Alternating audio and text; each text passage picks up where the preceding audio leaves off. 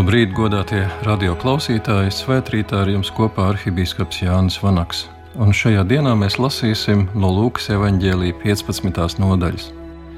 Tanīs dienās Jēzus sacīja: Vai ir kāda sieviete, kurai pieder desmit drachmas, ja tā vienu pazaudē, vai viņa neiededz lukturi un neizmēž māju, un rūpīgi nemeklē, līdz to atrod? Atradusi to viņa sasauc draudzenes un kaimiņus un saka: Priecājieties līdz ar mani, jo es esmu atradusi drachmu, ko biju pazaudējusi. Es jums saku, tāpat ir prieks dieva eņģeļiem par vienu atgriezušos grēcinieku.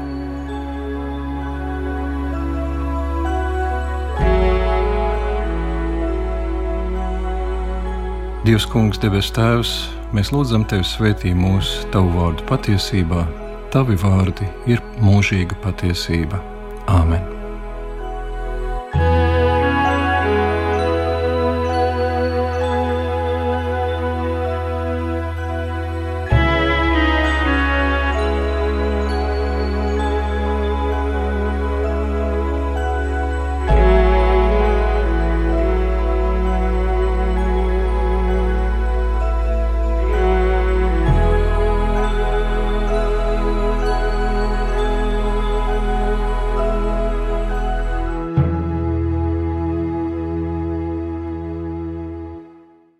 Viena atziņa no šīs līdzības - tev ir kaut kas, ko var pazaudēt. Paklausieties vien, kā tas skan - drachma. Šķiet, tas ir kaut kas noslēpumains, kas cilvēkam var piederēt, bet var arī pazust. To var izdoties atrast, bet var arī neatrast. Šai sievietei par labu nāk tas, ka viņa pārzina savu īpašumu. Pataustot kabatā, viņa jūt, ka kaut kas nav kārtībā, drachmas vairs nav. Tā steidzami jāatrod. Cik daudz cilvēku dzīvo pat nenojausdami, ka vajadzētu kaut ko meklēt, un jo ilgāks laiks kopš zudības paiet, jo mazāk izrēģu atrast.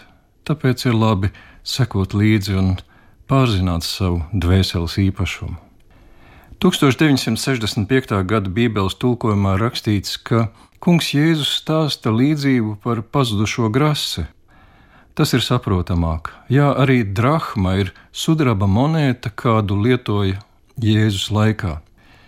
Bet Jēzus šo līdzību stāsta mums, mūsu laikā. Kas ir mana drachma, kas jāatrod? Kas ir tavējā? Ja šo jautājumu uzdod baznīcā, tad šķiet, ka ir tikai viena atbilde. Kas man jāatrod? Protams, ka debesu valstība un mūžīgā dzīvība.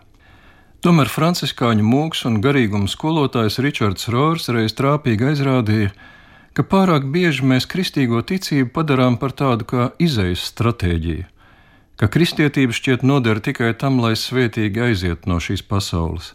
Taču pirms tam mums jānodzīvo vesels mūžs. Kas ir mūsu drahma, nevis miršanai, bet dzīvei? Nevis tikai baznīcā, bet tur, kur pavadām lielāko daļu sava laika mājās, ģimenē, darba vietā, draugu un paziņu lokā, savā pilsētā, valstī, tautā. Šajā līdzībā ir runa par pazaudēšanu un atrašanu. Tas pats Ričards Rors raksta, ka praktiskajā reliģijā nekas nav svarīgāks kā atklāt to sevi, kas jāpazaudē, un to sevi, kas jāatrod. Kas būtu tas sudraba grasis, kas jāpazaudē, vērtība, no kuras jātiek vaļā? Katrs noteikti varētu nosaukt dažu labu lietu, gan domājot par sabiedrību, gan jau vairāk par sevi pašu. Lai izvēlētos vienu piemēru, varbūt tikai asociatīvi vai poētiski atcerējos parunu par to, ka runāšana ir sudrabs un klusēšana zelts. Varbūt sudrabs, kurš jāatrod, ir runāt patiesību.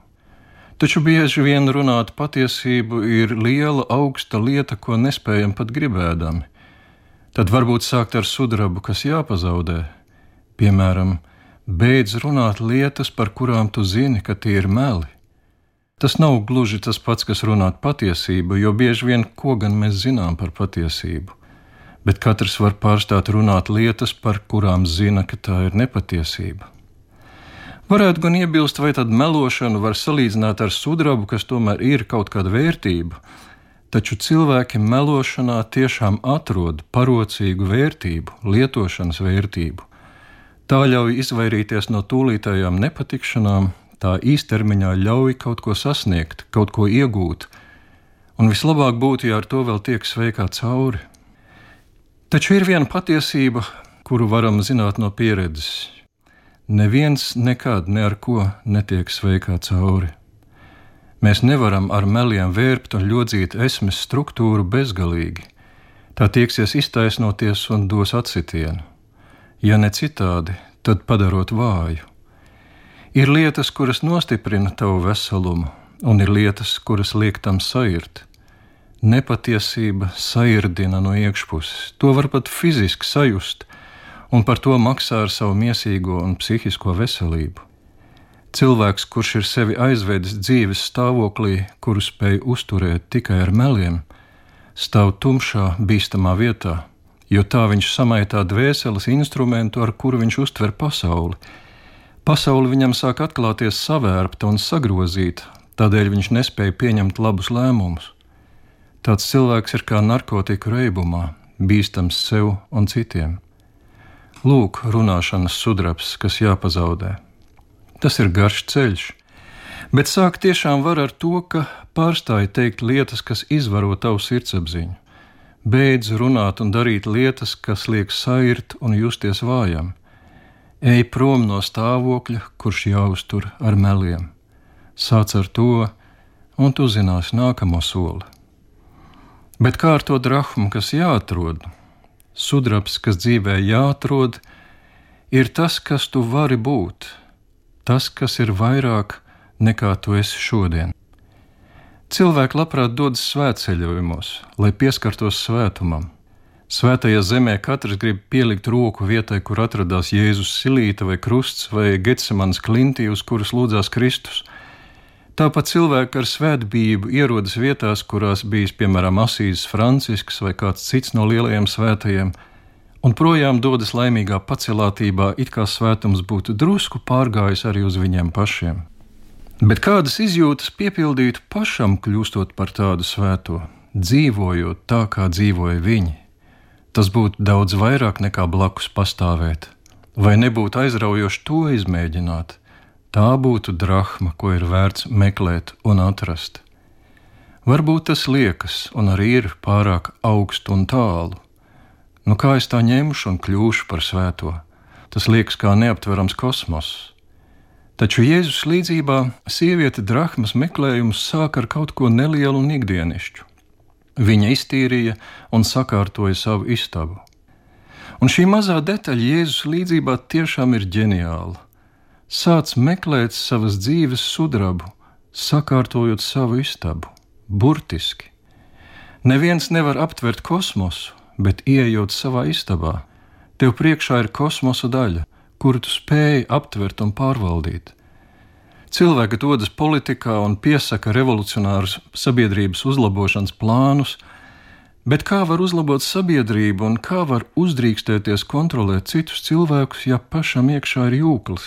Ir ļoti grūti uzlabot lielas sistēmas, kā sabiedrība, vai valsts, vai baznīca. Padarīt tās ļaunākas ir pavisam viegli. Ja gribi mainīt pasauli, jāsāk no sevis sakārtošanas un jādarbojas uz āru. Tava istaba ir tavas iekšējās telpas ārēja izpausme.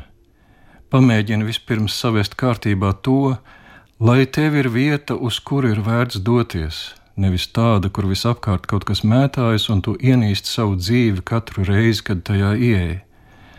Katram vajag vietu, uz kuru ir vērts doties. Sakārto to, un tu zināsi nākamo soli. Un tas nav tik piezemēti, kā pirmajā brīdī var likties, jo tavai istabai ir jābūt iekārtotai atbilstoši taviem mērķiem, citādi tu tajā nejutīsies labi. Un iekārtojot istabu, nākas domāt, bet kāds tad ir mans mērķis? Ja tev nav mērķa, tad tu esi bezmērķīgs. Tev jābūt uz kaut ko orientētam, citādi tu esi dezorientēts un haotiski riņķo apkārt, ciešot pats un liekot ciest citiem. Ja tev nav sava mērķa, tad tev to pasniegs uz paplātes, un visdrīzāk padarīs par marioneti kāda cita mērķiem. Turklāt dzīvē nevar izbēgt no ciešanām. Kāds būs tavs mērķis, kurš attaisnos tavas dzīves ciešanas? iekārtojot savu kosmosa daļu, var savus mērķus pārdomāt un saplānot tiem laiku, un tu zinās nākamo soli.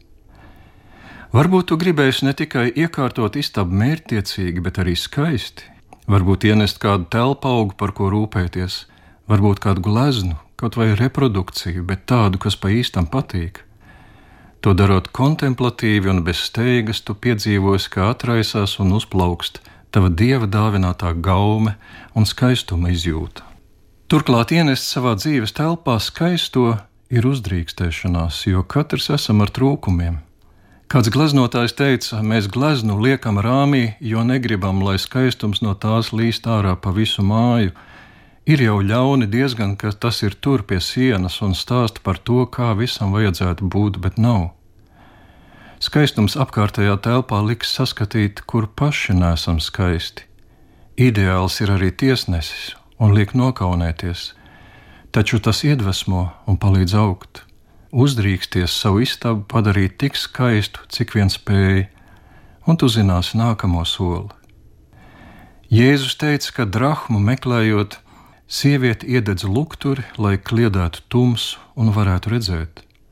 Ceļā uz svēto katram nepieciešamais solis būs savā kārtīgajā un skaistajā telpā iekārtot vietu lūgšanām un meditācijai papūlēties iekārtot to tik skaistu un iedvesmojošu, ka gribas turp steigties un ar prieku kavēties, iegrimt dievu vārdu apcerē un sarunā ar visaugstāko.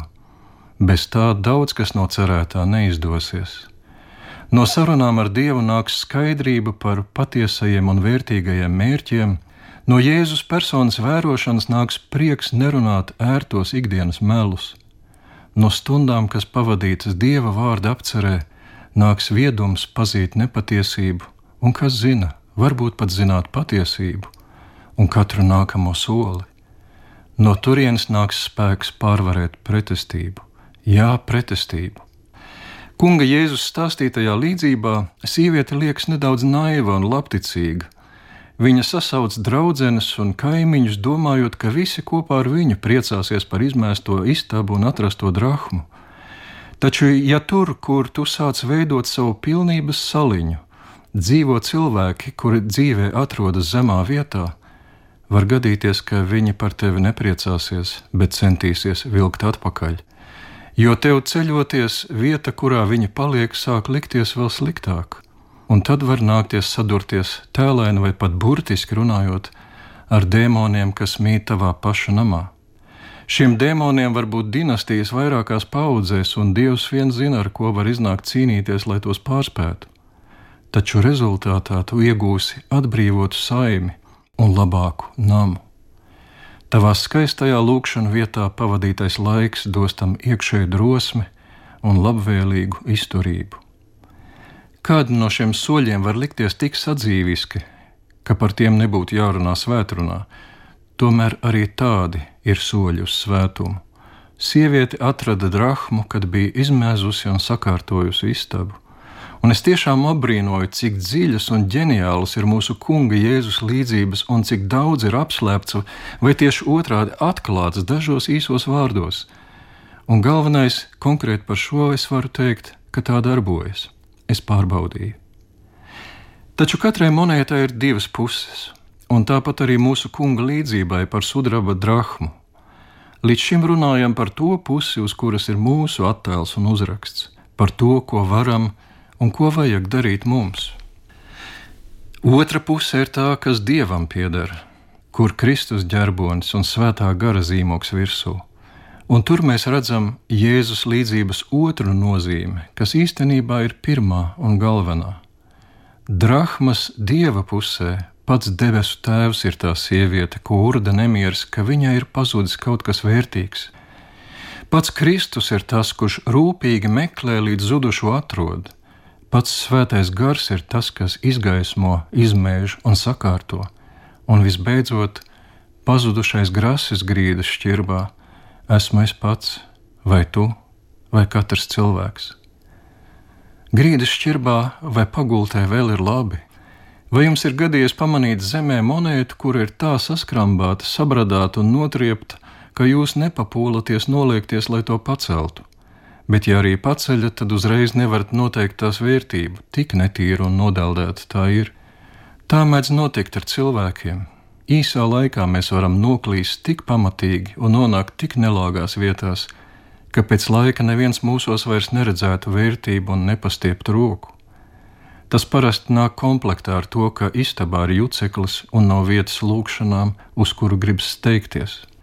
Un bieži vien tāpat nav cilvēka paša vaina. Mūsu baznīcā ir dienas centrs, kas palīdz augsta sociālā riska ģimenēm. Un ir tiešām baisi redzēt, kādos apstākļos bērni nāk pasaulē un kādās mājās viņi uzauga dienas centra darbinieki tad cenšas viņiem kaut dažas stundas dienā piedāvāt dzīvi sakārtotā vidē, lai dotu iespēju uzmirdzēt kaut kur dziļi apraktējai drahmai, lai kāds to ieraudzītu šajos bērnos, lai viņi paši to ieraudzītu un varētu atrasties. Taču itin bieži cilvēku arī no labvēlīgas vides līdz pašam dibenam noved viņa paša izvēļu virkne. Uz tiem apkārtējie raugās ar vēl mazāku līdzjūtību pats vainīgs, lupata tāds. Tomēr apdomāsim, ka nodeldēto nosmulēto grasi, ko neviens negrib pacelt, aiznesot uz banku, kura to ir izlaidusi, tam būs tāda pati vērtība kā jaunai spožai monētai - pilna vērtība. Tāpat cilvēkam dieva acīs, kas viņu ir radījis. Dievs izveidoja cilvēku, iedvešot viņā no sava gara. Katrā cilvēkā mīt dievišķs dāvinājums Citos senajos mītos un kultūrās dievišķa vērtība bija tikai valdniekiem un augstajiem priesteriem, turpretī Bībeles un tīpaši Kristus vēsts ienāk pasaulē ar jaunu, pārsteidzošu patiesību, ka tāda vērtība piemīt katram cilvēkam. Tas ir mūsdienu cilvēktiesību idejas avots. Dieva ieliktās vērtības dēļ mums ir tiesības vēlēt saimu.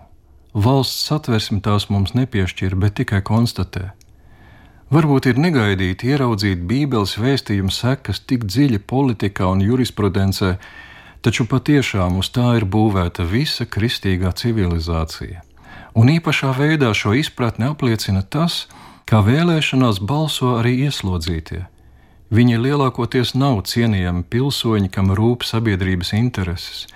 Ir daudz labu iemeslu, kādēļ būtu prātīgi tiem neļaut balsot, un ir tikai viens iemesls, kura dēļ to atļaut kaut vai uz sabiedrības labuma rēķina. Lai cik noskrambāta nebūtu drachma, tā tomēr ir vesela drachma. Lai cik pagrimis nebūtu cilvēks, dieva acīs viņam ir pilna vērtība. Tādēļ Dievs meklē un glābi visus pazudušos, arī tos, no kuriem cilvēki ir novērsušies. Pharizēji un rakstu mācītāji kurn, ka Jēzus pieņem grēciniekus un ēd kopā ar viņiem, un viņš atbildēja tiem stāstu šo līdzību par pazudušo drahmu. Tā ir patiesi labā vēsts katram no mums, kas savus grēkus apzināmies un tādēļ ciešam sirdsapziņas mokas. Tā ir labā vēsts katram, kas jūtas pārāk netīrs un necienīgs, lai Dievs viņu pieņemtu. Tieši šī iemesla dēļ Kristus nāca pasaulē meklēt un glābt pazudušo. Jēzum nav lielāka prieka par to, kā viņu pacelt, notīrīt un likt iemirdzēties pilnā, neaptumšotā vērtībā. Nonākt Jēzus rokās nozīmē būt izglābtam un dzīvot. Visa mūsu netīrība paliek uz tām, un labākais, ko mēs savā dzīvē varam darīt, ir censties palīdzēt Jēzum mūs atrast vai vismaz neslēpties. Kad mums mājās jāatrod, piemēram, maks vai mašīnas atslēgas, Mēs vispirms meklējam parastajās loģiskajās vietās. Ja to tur nav, tad meklēšana var ievilkties. Jēzus jau tāpat mūs atrod ar vienu no jauna. Tomēr ir labāk, ja cenšamies biežāk uzturēties tajās vietās, kur būtu loģiski meklēt kristīgu cilvēku, piemēram, draudzes baznīcā, piemēram, savā skaisti iekārtotajā lūkšanā vietā, piemēram, darot Kristus darbu pasaulē. Āmen!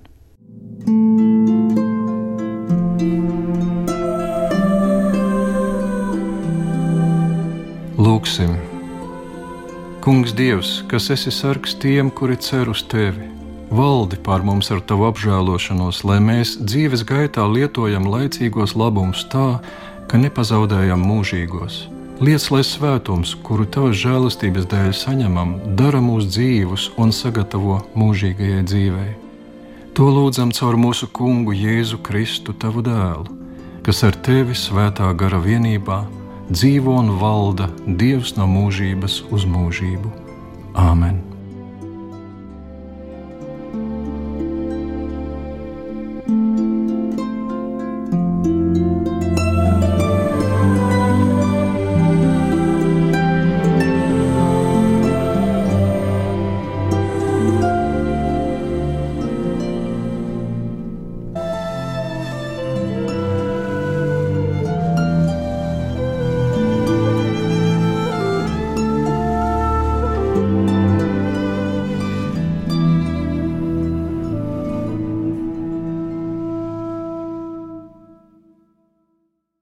Svētrītā kopā ar jums bija arhibīskaps Jānis Vanaks.